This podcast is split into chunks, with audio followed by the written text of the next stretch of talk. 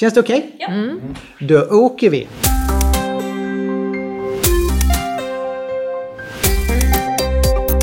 Välkomna till Museipodden avsnitt nummer tre. Eh, Museipodden är en del i vår eh, framtidsprocess ifrån Sveriges museer. Jag heter Mats Persson och jobbar på Sveriges museer. Framtidsprocessen, vad är det då? Ja, det är en diskussion kring hur museerna kan utvecklas för att bäst möta framtidens utmaningar. Och den här processen kommer vi att köra eh, under det här året och en bit in på 2019.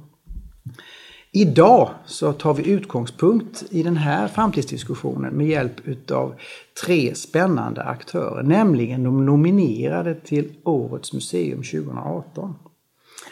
Årets museum är en utmärkelse. Det är branschens finaste pris som vi i Sveriges museer tillsammans med Svenska ICOM, International Committee of Museums, delar ut varje år. Eh, här vill vi uppmärksamma utmärkt museiverksamhet, också inspirera andra museer till innovativt och nydanande verksamhet med god kvalitet. Eh, och det här priset vilar på eh, en tanke att lyfta de museer som Jobba för publikens bästa, arbeta innovativt med sina samlingar, med sin pedagogik, utställningar, dokumentation, internationellt arbete, kommunikation etc. Eh, de här tre aktörerna som jag snart ska presentera kommer eh, de närmaste dagarna att få besök av den här juryn som då tittar på de här frågorna och har speciellt fokus på tre kriterier, nämligen hur nyskapande är de här museerna? Vilket genomslag har man för sin verksamhet? Och eh, vilket mervärde levererar man i sin närmiljö men kanske också i Sverige och utomlands? Så med det så hälsar jag mina tre gäster hjärtligt välkomna till Museipodden. Och eh, det, de tre gästerna det är Anna Hyltze från Göteborgs konstmuseum. Patrik Amsellem, Skissernas museum. Maja Hoja, Glass Factory. Så de här tre museerna, någon utav er står den 17 april och eh, lyfter vandringspriset som är en eh, vas, en skulptur från eh, Valjen. Men ingen av er vet vem det är än. Så hur känns det Anna? Det känns väldigt hedrande att bli nominerad. Det heter ju Årets museum, men för oss är det naturligtvis en lång rad av arbetsprocesser som har lett fram till detta. Så tänker vi. Vi har haft ett framgångsrikt år, eh, mött många nya besökare och fått ett genomslag i staden och i olika delar internationellt. Eh, och samtidigt så är det också en följd av en linje, eh, ett arbete som museet har gjort under många år som också kanske bär kraft nu. Patrik? Ja, det är väldigt, väldigt roligt och precis som Anna säger så är det ju ett långt arbete som ligger bakom det som är vårt museum idag och framförallt då för alla medarbetare i teamet som har jobbat med Skissernas museum de senaste åren när vi har genomgått ett gigantiskt förvandlingsarbete så är den här nomineringen enormt glädjande. Och Maja? Ja, för oss har arbetet inte varit så jäkla långt liksom, utan det, vi har ju funnits sedan 2011 så vi är jätteglada och det betyder också att vi är på rätt väg eh, att jobba. Det är ett paradigmskifte som har genomgått eh, överhuvudtaget industrin, men speciellt glasindustrin, därför finns vi. Och därför jobbar vi för utveckling av fältet glas och eh, som regional utvecklingsfaktor. Och det är väldigt spännande för att att vi pratar om framtidsmuseum också för det är så mycket som har förändrats. Så vi har en lite annorlunda organisation då och det visar att vi är på rätt väg. Det känns jättekul. När du beskriver ditt eh, museum för en som aldrig varit där, vad är liksom punchlinen? Vad är den här korta beskrivningen? Den korta beskrivningen? Alltså egentligen är det, allting är interaktivt. Man får göra, man får vara med i hela processen vilket är jätteroligt på olika sätt. Eh, det är allt från produktutveckling, utställningar, olika program, eh, jobba i workshopform och så vidare. Så det är verkligen mycket att göra, vilket är jättespännande. Och det kopplar vi ihop då med samlingen och utställningar och olika program och så vidare. Så allting är väldigt flytande och väldigt, väldigt aktivt. Folk ska vara med, alltså deltagande perspektivet. Skissernas museum, den här kortvarianten, vad är det? Skissarnas museum är ett museum för den konstnärliga processen och för konst i våra offentliga rum. Det är kortvarianten. Och det är alltså ett museum som är fyllt av framförallt skisser och modeller för konstverk som finns på andra ställen. Men det finns också färdiga verk som då är mer av moral och väggmålningar och så vidare. Hur länge har ni funnits? Sedan 1934. Men nu öppnade vi museet efter det här arbetet för bara drygt ett år sedan. Så det är ju ett, eh, på det viset en, ett, lite grann ett nytt museum som har öppnat, även om det är samma museum. Anna, kortvarianten på Göteborgs konstmuseum? Ja, vi omfattar ju en ganska lång tidsprocess, från 1400-tal och fram till idag. Ett konstmuseum som spänner från det rent konsthistoriska och ända fram till samtidskonsten. Både vad gäller samlingar och utställningar och det pedagogiska. Men också ett museum som vill vara med och skriva konsthistoria. Att göra de aktiva valen i det. Mm. En spännande reflektion är ju att i år är det tre eh, konstmuseer som är nominerade. Precis. Eh, spännande. Eh, val av juryn. Jag funderar på, eh, när ni eh, har jobbat eh, med era museer så, har ni väl haft liksom förebilder som ni har funderat kring. Det här liksom är min stora inspiratör. Det kan ju vara individer men det kan ju också vara institutioner som ni har mött i, i, i ett värv så att säga. Hur tänker du där Patrik? Jag tar med mig framförallt tror jag mina erfarenheter från att ha jobbat på ett stort museum i New York som heter Brooklyn Museum. Där man jobbar mot en väldigt bred publik och har gjort det framgångsrikt under de senaste 20 åren. Det har jag haft med mig hela tiden i det här arbetet med att försöka göra Skissernas museum till ett tillgängligare museum där vi kan ta emot besökare på ett bättre sätt. Sen skiljer sig naturligtvis arbetena på, på väldigt många olika sätt. Eh, från ett gigantiskt museum med massor med människor som jobbar till ett litet museum. Men attityden och tilltalet och försöket att kunna bredda vår publik, det tar jag med mig därifrån. Kände du att du lyckats?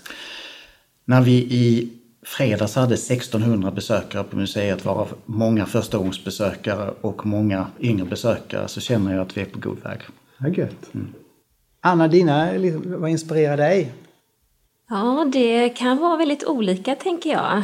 Precis som Patrik säger här så den publika processen och mötet med eh, våra besökare utifrån en pedagogisk verksamhet och inspireras jag faktiskt mycket av de brittiska museerna i tilltalet, i ambitionen att möta lokalsamhället mm. och att skapa tillsammans med sin publik.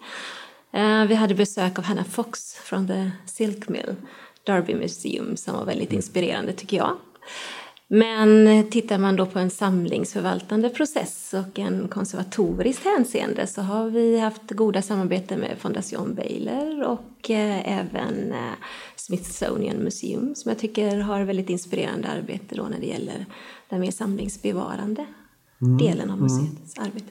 Vi ska borra lite mer där tänker jag. Eh, just när vi, när vi ser och försöker identifiera de, de utmaningar, om vi tar ner det i den svenska kontexten.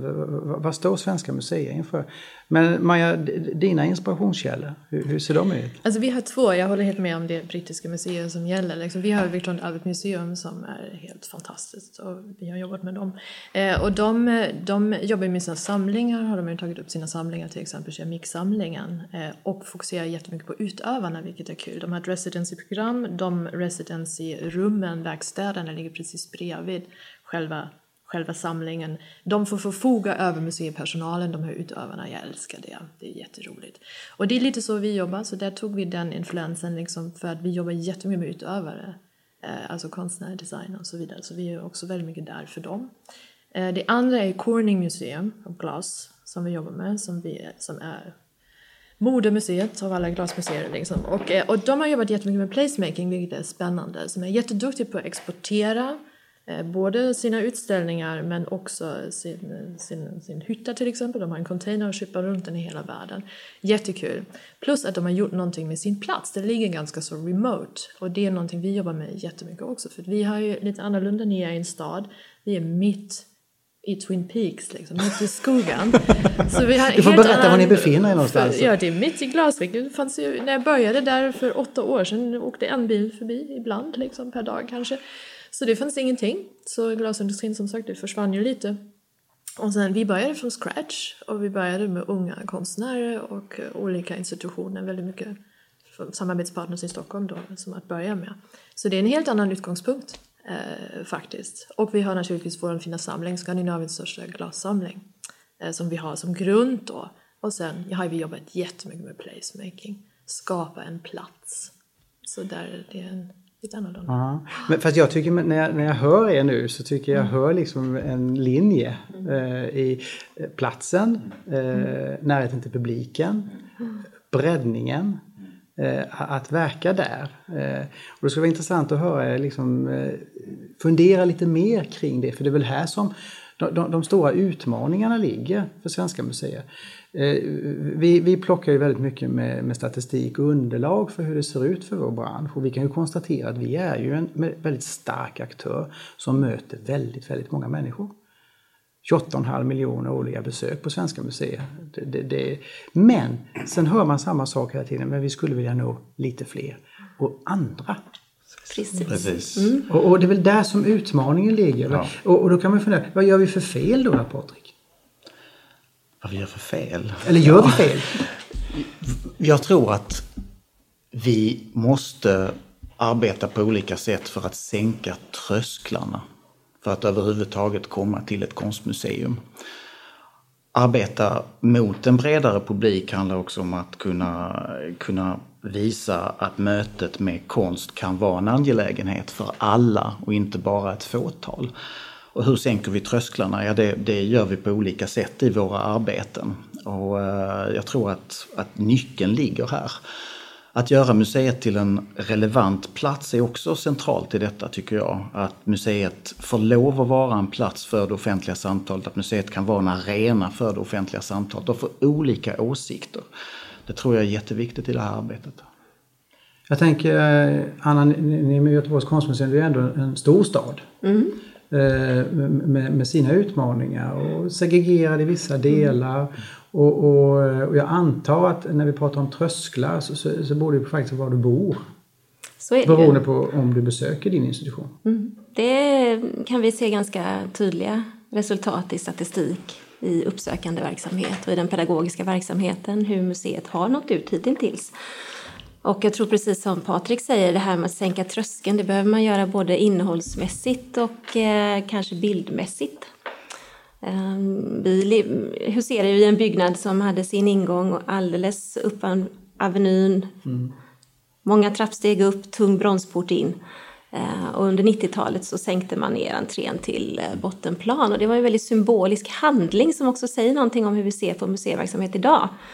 Eh, Som är viktigt för oss. Och då gäller det också tror jag att titta med öppna ögon för nya samarbeten.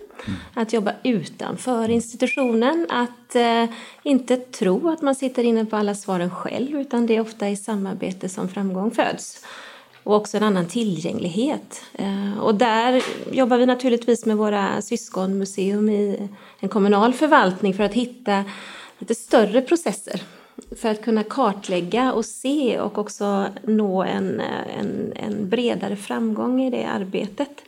För som ensam aktör kan du göra bara så mycket, utan det är i samarbetet det ligger.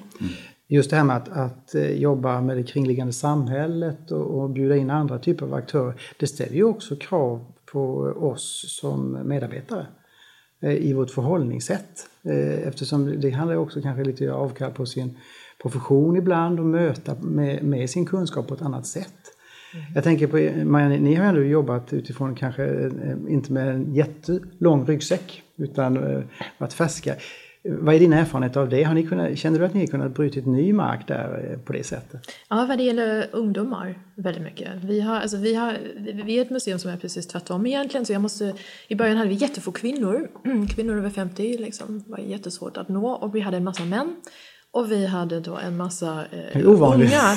Eh, och det är kul för att de tycker det är lite rock'n'roll med glass och så, så de kommer. Eh, så det, med ungdomar har vi aldrig haft några, det är aldrig några konstigheter liksom.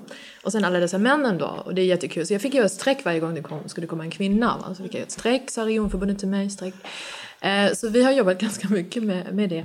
Ehm, nej, utan vi jobbar ju vi jobbar interdisciplinär, det har varit vår stora grej. Deltagande, det har jag redan sagt, att man integrerar, vi har workshops, jättemycket making, making, making, fab labs, allt det här. Eh, integrera, men också jobba interdisciplinärt. Vi har ju ett stort projekt som handlar om glastech, alltså glas och smarta tekniker som vi jobbar med olika universitet till exempel. Eh, och där är ju de med och får, och får bygga. Och det är ju smartaste glas man tar på och så pratar du med dig och sånt där. Va? Så det är jättespännande. Så vi har ju olika utvecklingsområden som är då i projektform som vi gör med internationella partners och där integrerar vi jättemycket folk. Och de kommer och gör saker och det är häftigt och så får vi dem liksom. Mm. Har, har, ni alla tre liksom ett strukturellt mätande där ni liksom kan mäta av de förändringar ni, ni får i de åtgärder ni gör i, i hur era besökare ser ut? Inte så mycket som man skulle vilja, säger jag då. Jag håller med dig. Mm. Är det svårt? Eller vad stupar det på? Ja, det finns utmaningar i det, eh, tycker jag. Mm, jag håller helt med dig. Och framförallt att få ut kvalitativa mått. Mm. Som ett kommunalt museum och som alla här så redovisar vi mycket nyckeltal mot mm. politiken. Frågan är om det är rätt nyckeltal mm. som vi redovisar. Ehm, vi tycker väl kanske inte alltid det. Och ehm, behöver skapa våra egna nyckeltal kring vad vi tycker gör avtryck i verksamheten och vad vi tycker rent innehållsmässigt är betydelsefullt. Mm. Mm. Jag tänker du på att du tog exemplet från i fredags och, mm. och då, då, då, är det mer en, en uh, okulär besiktning, ni, ser vad som händer? Vi ser vad som händer men vi talar också med besökarna. Vi har ju startat ett, eh, en rad olika initiativ vad gäller programverksamheten och det som hände i fredags är någonting vi gör tre gånger om året. Vi kallar det för Skissernas Night och den modellen den är egentligen rakt från Brooklyn Museum kan man säga att skapa ett evenemang med många olika inslag under en kväll. Gratis entré från 5 till 11. Det händer väldigt mycket på museet och programverksamheten under den kvällen är riktad till olika målgrupper kan man säga. Men ett av målen med detta är att blanda publiken över generationsgränserna och det ser vi väldigt. En okulär besiktning kan visa det. Vi ser unga och gamla som faktiskt gemensamt samtalar och gör saker i den eh, skapande verkstaden till exempel. Det mesta som händer är kopplat till utställningen och museet. När vi talar med publiken så ser vi att många är förstagångsbesökare. Vi ser också att här är jättemycket unga människor som kommer till detta. Massor med studenter. Så att det är ett genomslag bland den publik som vi har önskat att nå ut till, de unga vuxna som vi har, Skistarnas museum traditionellt haft svårt att nå ut till. Sen skulle vi vilja fortsätta att göra mer kvalitativa undersökningar och framförallt utmaningen här, hur följer vi upp detta? Mm. Hur kan vi se att de här besökarna kommer tillbaka till museet? För det är ju ändå målsättningen här, att sänka tröskeln, göra det lite enklare för människor att hitta till en sån här plats för att sen kunna komma tillbaka och ta fast i verksamheten på ett annat sätt, på ett annat plan. Men där, är vi, där, där måste vi jobba, precis som Anna säger, för att hitta, hitta de metoderna. Får du tillbaka återkommande besök, Maja? Absolut, vi har återkommande besök. Vi kopplar, allting vi gör kopplar vi väldigt mycket till också folks vardag. Vi är ganska noga med det. För att om vi gör en utställning och så säger om 1600-talets glas, va? Då, då, då kommer några glaskännare och tycker det är jätteroligt, va? och sen får vi inte resten. Utan så kan, man, kan vi inte göra, utan det vet ni också. Man får, man får då koppla hur berör det mig och så. Då har vi en rad både pedagogiska program men också andra eh, program då som, där man kan koppla. Liksom. Och sen, jag återkommer till det praktiska. Det är mer viktigt än någonsin, tror jag, för museer att, att gå in och, och börja jobba med workshops och att göra saker. Va? Det, kan, det kan man se på de amerikanska museerna. Mm. Där ser man vill du, vill du, på Corning till exempel är det det här, vill du titta, vill du göra, bap, bap, bap. de flikarna, det heter inte utställningar eller program eller någonting som det heter i Sverige, det heter titta, göra, eh, du vet. Ja. Och det tror jag är en ganska viktig sak och det är lite den, vår hemsida ser också ut som en svensk hemsida men, men vi har funderat att ändra faktiskt för att det är, det är nya vindar som blåser där. Så det, är det är en annan syn på besöket egentligen. Eller en utvecklad syn på besöket. Ja. Vi, vi ser ju att det som efterfrågas framförallt av de unga vuxna det är att få lov att göra. Och vi erbjuder ju då som, som ni också, men på ett annat sätt. De här, de här uh, teknik, verkstad, material, utforskande. För det är det man vill göra. Man vill utforska vad det nu kan vara, linoleumtryck eller någonting annat som är relaterat. Vi gör det ju relaterat till utställningarna och samlingarna. Men det är det man efterfrågar. Man vill göra, man vill lära sig någonting mm. med handen. Ja, och sen mm. tror jag också det här med samhället, förlåt, får jag inflika bara? Eh, alltså jag tänker det här med samhällsdebatten. Jag, jag jobbade på andra museer och då var det alltid sådär, nej, oh, vi ska inte gå in i, i samhällsdebatten, vi ska inte diskutera, vi ska vara neutrala, neutrala. Och så. Det är ju någonting som verkligen har förändrats. Det första vi gjorde när vi startade var att sätta igång en jättestor debatt om glasriket. Vad hände med det? Hur, vad kan vi göra? Och då kom många, många aktörer, alla samlades och, och, och jobbade. Liksom, det var fyra seminarier och sen och utkom då Glasrikeuppdraget som var initierat av regeringen då i flera år. Va? Mm. Så här, det tror jag också är en jätteviktig sak att faktiskt att samla folk. Det finns en vilja, det finns jättemånga människor som en, en, vill ha den här debatten. Va? Mm. Var inte rädd för den. Va? Det, det är bara kör. Absolut. Jag kan bara instämma i detta med diskussionsviljan. Mm. Ni har ju varit aktiva. Ni, ja. ni levererar ju skrifter och har ja, en forskningssida. Ja, men där har ju vår forskningsavdelning varit så betydelsefull också för att veta vår egen historia. Eh, att titta tillbaka på de val som vi har gjort för att också forma nya val. Hur ser en samling ut och hur eh, bygger man vidare på en samling för att den ska vara relevant? Ehm, det vi hade ju en utställning med Julia Peirone som nu stängde ner precis här i eh, helgen. En eh, fotograf som arbetar mycket med blicken och kvinnans blick på kvinnan. Men också kring identitetsskapande. Och den kom också i den här stora diskussionen kring metoo-kampanjen. Eh, som också blev en historieskrivning av att tre stora utställningsetage är fyllda av verk av en kvinna, föreställande kvinnor och eh, bara det i ett hus av en samling som rent historiskt ser annorlunda ut signalerar någonting. Och jag tror att vi behöver vara tydligare med vilka val vi gör. Och när vi blir tydligare med de valen vi gör så skapas ett annat engagemang och eh, i det då även samtal och diskussioner för visningar som, mm. som på något sätt tar in både det perspektivet som finns i museet men också den samhälleliga diskussionen utanför museet. Nu tycker jag ni, ni börjar eh, toucha egentligen med det här grundläggande museiuppdraget. Mm. och, och, och då, då, tänker jag på, eh, vi har en museilag som ju sätter ramar nu för många utav svenska museer. Och även om inte man omfattas av lagen så, så, tror jag att det här kommer att vara normerande för hur vi ser på hur museer ska drivas eftersom vi har en lagstiftning som är en ramverk för, för och den, den här pratar väldigt mycket om just bildningsuppdraget. Kunskap, bildning, fakta. Eh, och eh, vi gör varje år en eh, SIFO-undersökning eh, bland svenskarna då vi ställer frågor kring hur ofta man besöker museum och man gör det på semestern och, och vilket skäl man har till sitt museibesök. Eh, och det är rent intressant att se vad, vad svarar människor då? Och det som toppar, vet ni vad det är?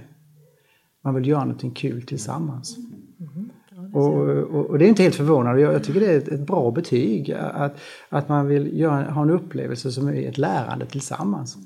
Men det som var intressant i undersökningen var att vi frågade också, vill du lära nytt? Och då sticker åldersgruppen 18 till 29 år ut. Helt klart. Där var det drygt 35 procent som ville lära nytt. Det var inte riktigt lika mycket medelåldern kan jag säga. Eh, och, och, det här är intressant eh, och på något vis hör jag en bekräftelse i, i vad ni säger.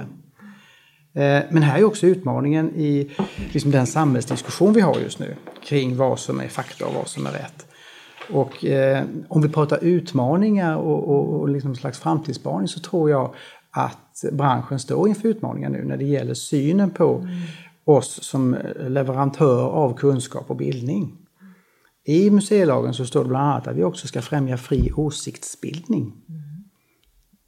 Jag skulle vara intressant att höra er liksom reflektera kring, kring det här. Hur känns det liksom bildningsuppdraget i, i dagens samhälle och i det framtida, Anna? Ja, dubbelt tänker jag kring Aha. det.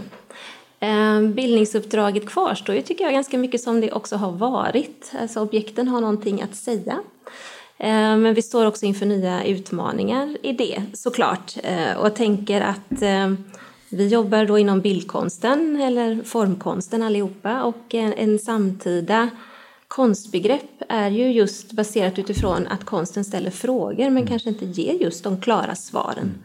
Och det är ju det som hela tiden vår verksamhet också så säga, cirkulerar kring.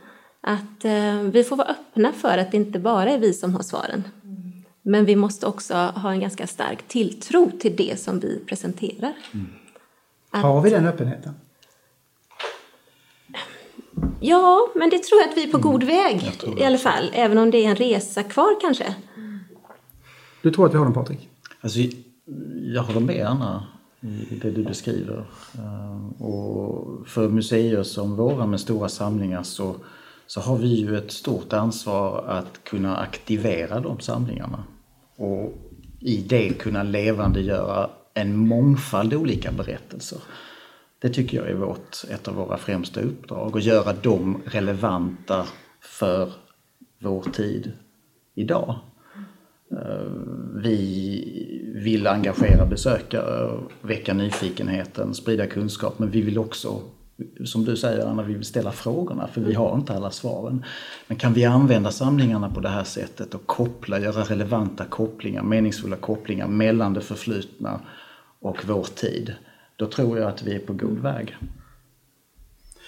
Tidvis ifrågasätts ju museibranschen om eh, hur vi då påverkas av de politiska besluten, vilken inriktning vi ska ha. Eh, och, ja, ni, ni, har ju följt de här olika vågorna i diskussionen som, som har pågått de senaste åren. Och, och, det har lite bäring på det vi pratar om nu, eh, känner jag. Eh, jag vet inte hur du känner inför det, för du, du antydde Maja att det här med att eh, du hade tidigare erfarenheter från att, att jobba med eh, liksom samtidsdiskussioner. Det skulle man backade man lite från. Ja, så var det i alla fall då. Mm. Liksom. Det kanske har förändrats lite. Jag tror att vi har en ganska, ganska mycket kvar att gå. Jag tror absolut vi är på väg och det är jättebra. Men jag tror att det finns kvar lite navelskådningar. Alltså det, det är ganska bra att titta på sig själv och, och, och också ifrågasätta museerna idag. Det har ju väldigt förändrats otroligt mycket inom museivetenskapen. Alltså du har från det här uppfostringsuppdraget, här ska, du, här ska du komma in och då ska du få en berättelse om hur hierarkier fungerar, så är det. Och, liksom, och, och det här ska du få en berättelse liksom vad som är vackert och vad som inte är vackert. Bra smak, dålig smak. Du vet, allt det här har ju, man har ju gått igenom en lång, lång resa. Va? Och fortfarande är det inte, jag tycker inte det är fritt liksom. Fortfarande finns så jag ser ibland att det skulle vara roligt att faktiskt göra någon stor grej liksom med en massa museer där man ser okej okay, hur har museerna egentligen framställt sina berättelser och vad är vi formade av och vad, vad påverkas vi såklart alla av liksom. Det kommer vi ju aldrig ifrån. Det är ganska spännande, där skulle man kunna bjuda in liksom allmänheten och säga okej okay, nu, nu gör vi det tillsammans, en ett jättestort metaprojekt. Vad vet jag? alltså, jag, jag, jag väntar ibland, när man, man sitter ibland och, får, och, och berättar liksom för folk och vi har ju vår regionala del då och då säger jag men kan vi inte fundera lite vad vi, vad vi berättar och så nej nej det är helt rätt vad vi berättar va? det är helt rätt så helt, alltså då, det tycker inte jag liksom då låt oss fundera hur vi kan, hur vi kan göra och vända på steken det skulle vara kul att bara vända, våga vända va? Mm. Jag tror också att man måste revidera sin egen berättelse. Mm. Mm. Och eh, revidera konsthistorien. Um, jag tänker, vi hade ett projekt för några år sedan där vi arbetade med svenskt historiemåleri som jag tror att många generationer, eh, eller en generation väldigt tydligt har vuxit upp med i böcker, i läroböcker som ett rent lärandematerial där man inte kanske ifrågasätter den retoriken som har varit i dessa bilder men frågar man en ung person idag så ser de helt annorlunda även om retoriken fortfarande lever kvar. Eh, så jag tror också att man måste lära sig att vara kritisk till bilder. Lära sig att tolka, eh, lära sig ganska tidigt i en undervisning i skolan att bilden är viktig och att bilden idag är så mycket av det som vi får genom media och nyhetsrapportering. Så att det Ja, en bild kan tolkas på många olika sätt och det är bra att veta de här greppen som har kanske använts genom konsthistorien i många hundra år. Och att en bild oftast, eller ett konstverk därmed, också säger mer om den tid då den utfördes än kanske om den tid som den ville skildra. Det, det, har ju, det tycker jag kopplat till hela källkritiksdiskussionen. Mm. Eh, hur, hur, vi faktiskt eh, fostrar varandra till, till att klara av att läsa av allting som kommer oss eh, till livs. Och just nu går ju debatten hög, inte minst kring sociala medier och, på, på, sättet som vi påverkas den vägen. Och Jag vet inte hur du känner Patrik, men, men här har ju museerna ett ansvar på något vis att, att, att verka Absolut. som kunskapsinstitutioner. Absolut. Jag tycker museerna måste, måste verka för att eh, utveckla verktyg för naturligtvis en vidare förståelse av olika perspektiv men också ett kritiskt tänkande. Att vi kan i vårt med arbeta med samlingar och tillfälliga utställningar som vi oftast gör arbeta för att eh, öppna dörrarna helt enkelt för nya perspektiv. Inte bara på konsten utan också på oss själva och förhållandet mellan konst och samhälle. Det kritiska tänkandet är viktigt och det, det vi har pratat om här att det finns olika berättelser att hämta i det här materialet och de kan vi koppla till vår komplexa samtid på något sätt. Och det här kritiska tänkandet att kunna, kunna röra oss mellan olika nivåer och, och våga se att det finns en mångfald berättelser här. Jag tycker det är viktigt. Och öppna upp, alltså det mm. tänker jag ibland, museivärlden är ändå ganska tight så här. Mm. Man, alla museer har, de är ganska, det kan vara ganska så här, lite slut. Öppna upp, låt, släpp andra människor, släpp andra ögon in, få se vad som händer liksom. Det kan jag ibland liksom önska. Eh, jag hade en gammal professor, vi pratade om honom tidigare, Lennart Palmqvist, om du hör det här, I love you liksom. Han sa, jag hade museivetenskap läste på Stockholms universitet hos honom och han var helt genialisk och han sa alltid att alla museimänniskor borde ha jobbat på en bar i två år. Mm. Jag tyckte det var ganska genialiskt. Va? För att du får liksom, vad är livet? Vad handlar, vad handlar det om? Vad vill folk veta? Mm. alltså, man, då, då, det är som en fältstudie nästan. Alltså det, det, är så viktigt. Släpp in, öppna upp, öppna upp. Samarbeten, du sa det förut. Jag tycker Absolut. det är jättebra. Men jag tror att det också är så idag, ett annat eh, läge för alla anställda på ett museum jag menar, i alla funktioner som finns, tekniker och koordinatorer och registratorer och forskare, alla möter ju en publik idag. Mm. Tidigare så tror jag att det såg annorlunda ut. Det var pedagogen som stod upp för allt det som museet genererade.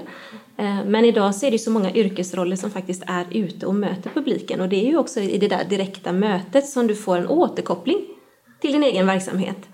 Och den kunde möjligtvis då tidigare nå kanske pedagogerna eh, och sen så vandrade den, sipprade den in i museets struktur. Men idag så är det ju många fler mm. som möter, så vi får också andra perspektiv in direkt in i processen i museets personal. Det är liksom det förändrade arbetssättet mm. som ger effekt. Mm. Du är väldigt nära din publik, det mm. tror jag är någonting som... Mm. Eh, och det är väldigt bra tror jag. Mm. N när vi eh, resonerar, när man möter många av våra kollegor runt om i landet så, så känner man ju igen den här diskussionen. Eh, en fråga ni inte har berört eh, kring utmaningarna det är ju liksom utvecklingen av våra samlingar. Eh, och eh, hur det ska te sig över tid. Där jag möter en, en diskussion där vi liksom, den, den blir starkare och starkare. Vi kommer ha ett starkt fokus, tror jag, på samlings och samlingsutveckling. Jag vet inte hur, hur du resonerar Patrik. Eh, hur stora, jag vet inte hur stora dina, jag minns inte hur stora samlingar du har. Det är drygt 30 000 objekt i samlingen. Och det är ju centralt för museer att göra nyförvärv. Utan nyförvärven så dör museet, skulle jag säga. Då blir museet ett mausoleum. Och detta är en utmaning framförallt för en institution som vår, som inte har medel avsatta specifikt för nyförvärv. Och detta är ju någonting jag ständigt arbetar med. Målsättningen är ju att kunna ha en fond ur vilken vi kan hämta medel för att göra nyförvärv. Det är ju helt avgörande för museets framtid. Jag kan bara hålla med. Vi eh, förvärvar ju kontinuerligt och man förvärvar ju verk till museet i relief till befintlig samling. Så återigen, det här medvetna valet är viktigt. Men det är samma för oss, det finns ingen kommunal finansiering för inköp av eh, verk till samlingen utan vi går ju fortfarande tillbaka på gamla donationsfonder. Så att eh, det fanns en väldigt starkt borgerskap eller en stark köpmannakrets i Göteborg som eh, donerade mycket pengar vid museets tillblivelse och det är fortfarande avkastningen av det som vi förvärvar. Och då klart, då blir det ju intressant att se om vi kan matcha mm. den samling som finns Vi har en stark samling kring sekelskiftet 1800-1900. Kan vi, ser man tillbaka på vårt museum om 100 år och säger det där sekelskiftet 1920, 1999-2000, är det, har det samma lyskraft? Kan vi behålla? Kan vi påverka samlingen? Kan vi behålla, säger du? Mm. Mm, vad menar du då? Nej, men kan vi behålla samma dignitet på samlingen?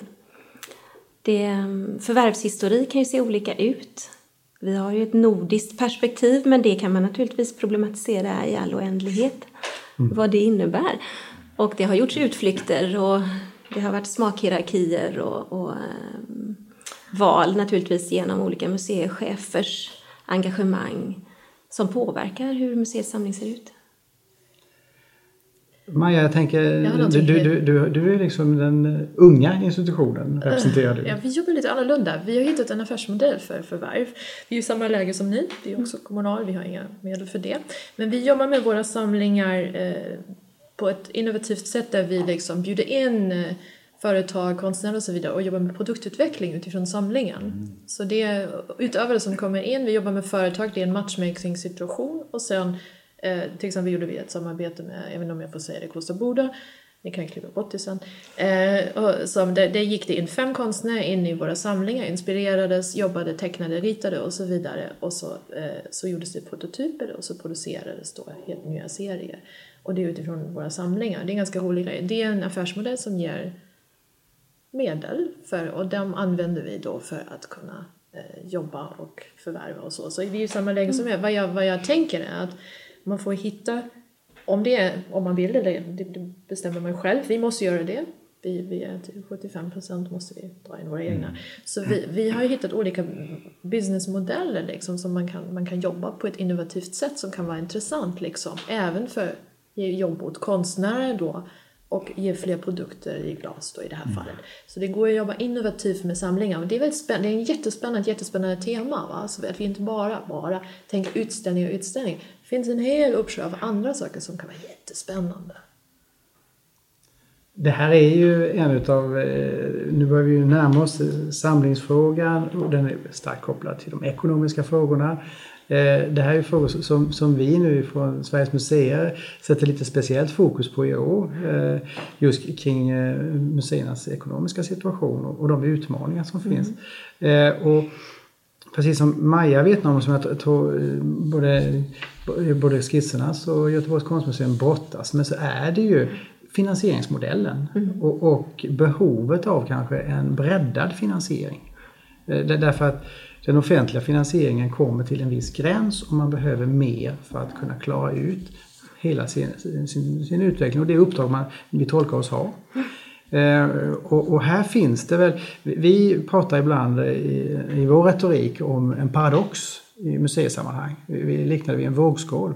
I den ena, i den ena skålen så ligger alla besöken och trycket på oss, efterfrågan. För besöken ökar ju faktiskt, de fysiska besöken ökar på svenska museer. Och så i den andra vågskålen så är resurserna som ställs till förfogande. Och det här hänger, harmonierar inte. Det gungar snett. Eh, och då är det intressant att, att höra hur, hur, hur ni jobbar med den frågan Patrik, för det här måste ju vara en utmaning för er också. Ja, det är det ju för nästan alla museer. I alla de stora projekten vi har gjort de senaste åren så är det ju externa medel som har finansierat detta till största delen. Och till största delen är det privata medel, det är, för, det är, det är donationer. Men det är också stiftelsemedel. Och eh, ett stort projekt som vi har genomfört, ett projekt vi nu fortsätter med på ett annat plan, det handlar ju om samlingen, samlingsförvaltningen, digitaliseringen. Och eh, vi har ju lyckats nu att inom universitetet få museets samlingar och arkiv klassificerade som forskningsinfrastruktur. Vilket känns väldigt roligt för det underlättar också. Så fortsättningen av projektet, första delen finansierades av, Riks, eh, av Riksbankens jubileumsfond och Karolinska. Och nu andra delen är medel från universitetet. Just för att det är klassat som en forskningsinfrastruktur. Det är första gången som samlingen då eller, mm, det är väl första gången som det inte är ett naturvetenskapligt eller tekniskt projekt som får pengar för att utveckla en forskningsinfrastruktur. Det är ett kvitto. Det är ett kvitto på ett, eh, ett eh, fint arbete som museet har, har gjort. Medarbetare som har arbetat med det här under flera år. Och där vi nu är i ett skede där vi ska koppla till vår databas arkivet, vår bild och klippsamling som består av eh, pressklipp från 30-talet och framåt som ju ofta används av forskare brevsamlingen, konstnärsbrev, tiotusentals konstnärsbrev till den här databasen för att sen koppla den till nationella och internationella databaser. Och, och det blir av nu tack vare detta. Och det är ju fantastiskt att kunna jobba med samlingen på det sättet. Då har vi ju lyft statusen för samlingen och kan arbeta väldigt konkret med att få ut den till en bredare publik, internationellt också. Eh, jag tänker Anna, eh, ett medskick, en fråga till dig. Mm. Det, det, är ju, för ni har ju också jobbat med annan typ av finansiering i många mm. år. Och eh, en, en utmaning hela tiden är ju att inte tappa sin kärna. Precis. Och, och grunduppdraget. För, för, det är där vi kan kritiseras. Att, att vi liksom tar kliv mm. och hamnar i någon som styr oss, en aktör på något sätt. Mm. Hur, hur har ni tänkt där? Nej, men precis som Patrik berättade så, så söker vi mycket bidrag externt. Det kan vara från fonder och stiftelser, men det kan också vara företag. Och eh, vi är väldigt noggranna när vi formulerar våra projekt. Men det är också projekten som till viss del gör det möjligt för museet att skapa rutiner för framtiden. Så precis detta med digitaliseringsaspekten eh, vad gäller eh, att få samlingen digitaliserad är just så. Vi har också fått stöd från Riksbankens jubileumsfond i ett första projekt. Och när ett projekt kan lanseras så kan man med det skapa rutiner och processer som sen inte är lika svåra att härbärgera inom verksamheten. Så att initialt kan det vara projektstyrt, men det leder fram till en process som museet sen kan ta ansvar för på egen hand.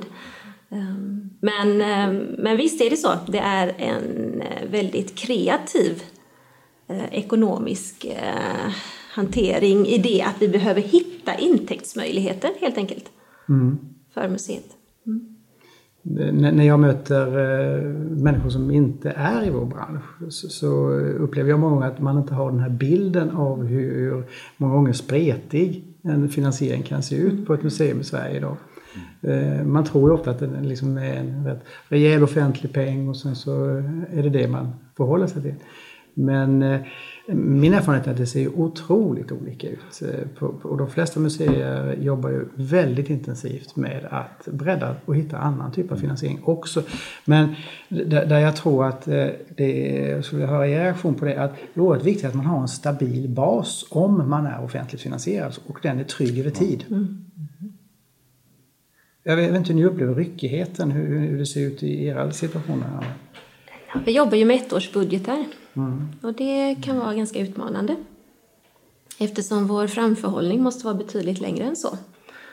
Vi kan inte skapa ett utställningsprogram som eh, tittar ett år framåt utan vi måste titta både med den långa linjen av att ha en säker planering och samtidigt ha vissa öppningar för att kunna hela tiden kännas aktuella och kanske mm just greppa det där som händer för stunden i det i offentliga samtalet. Så att eh, det är ju en utmaning i det, absolut. Men sen tänker jag också att de här eh, projekten som vi gör och ansökningar som man skriver, det gör ju också att man är väl grundad i vad man vill göra. Det är vi väldigt väl eh, formulerade kring vart vi vill nå. Så det skulle vara på pluskontot då, tror jag, mm. i detta att vi behöver vara väldigt pedagogiska och eh, välformulerade i eh, vilken riktning som museet vill arbeta mm. i olika utställningsprojekt eller digitaliseringsprojekt eller pedagogiska projekt. Um, så att um, det finns en kunskap där. Tiden rusar när man har spännande samtal. Eh, men innan jag släpper er till nästa möte eller vad det nu är ni är på väg till så, så skulle jag bara, för att det, det som gläder mig i, i samtalet är att ni, ni, ni utstrålar ju optimism och tilltro och en god portion stolthet i, i eh, det ni representerar. Och det tycker jag vi ska ta vara på, att, att vara stolta över att vi faktiskt företräder en bransch som är duktig, som är på spets, som är eftertraktad. Och då är det lite spännande att, att höra Maja, alltså vad, vad, är ditt nästa mål för eh, jobbet med eh, Glass Factory i Boda? Ja, vi kommer ta ett steg där faktiskt. Eh, det är många mål. Vi håller på att bygga just nu så vi tar upp samlingen och hela samlingen så att det blir tillgängligt och det är restaurangbygge och framförallt nya ateljé och verkstäder så det är ganska stort, bland annat en neonverkstad. Men vad vi, vad vi siktar lite på är mer samarbete, vi har pratat om det förut, med faktiskt universiteten och både med Linnéuniversitetet och Konstfack håller vi på. Eh, så vi ska se var vi hamnar där, men det vill jag jättegärna. Vi jobbar redan med båda, ganska mycket, men eh, lite tajtare samarbete. Eh, så jag tror också att man, kanske museerna, eh, eller i alla fall vi, behöver koppla till kanske andra institutioner, kanske också större institutioner koppla som har, så att man har muskler tillsammans och hittar på saker. Va? Då, och som också kan ge ett mervärde genom att i olika discipliner man kanske jobbar i, se vad man kan göra. Jag tror att det finns, jag tror att, det kommer, jag tror att museerna kommer förändras jättemycket, det tror jag. Det är många profilmuseer eh, som har startats, och som håller på att startas. Det är helt nya museer, vilket är lite spännande. Eh, och de jobbar väldigt annorlunda än de som är, ja, ni vet, som länsmuseer eller någonting. Alltså, så de, de har hittat nu, helt nya sätt att jobba och det ser jag verkligen fram emot. Det är jättekul liksom, att hitta de här nya arbetssätten och se vad kommer det göra med museilandskapet eh, i framtiden. Jag tror det kommer förändras otroligt mycket. Patrik, vad är nästa milstolpe? Ja, nu handlar det för vår del om att implementera många av de förändringar som, eh, som vi har gjort i och med det att vi nyöppnade museet för ett år sedan. Och det handlar om samlingen, naturligtvis samlingsförvaltningen, det vi precis pratade om. Och fortsätta det viktiga projektet, kunna tillgängliggöra den. Eh, det handlar om programverksamheten, att, eh, att få de olika programinitiativen på banan med målet att bredda publiken bredda tilltalet. Eh, det handlar om utställningsverksamheten naturligtvis. Och där är samverkan, fördjupande, sam, fördjupade samarbeten en väldigt viktig del. En gränsöverskridande mm, samverkan som kan hjälpa oss i det här arbetet att göra museet till en viktig mötesplats och en, en arena för det vi har pratat om, för det offentliga samtalet. Vad händer när du kommer hem till Göteborg? Ja, vi står inför utmaningen av att vara snart i en hundraårig byggnad. En byggnad som byggdes med eh, tillförsikt om att den skulle räcka länge. Eh, nu står vi i en situation där vi gärna skulle se att den byggnaden förstärks, om och tillbyggs för att klara hundra år till. Det finns ju ganska mycket i både logistik, arbetsmiljö, hantering, allt det som sker bakom kulisserna i ett museum som ett hundraårig byggnad kanske inte stöttar. Och eh, det är min stora uppgift framgent att eh, skapa en större medvetenhet kring museets situation både på lokal nivå, regional, nationell nivå för att kunna tillskapa den nya om och tillbyggnaden för museet. Spännande! Mm. Ett stort tack till er tack. alla tre tack. för att ni tog er tid. Och eh, om sådär en månad, lite drygt, så vet vi vem utav er som blev Årets museum 2018. Tack!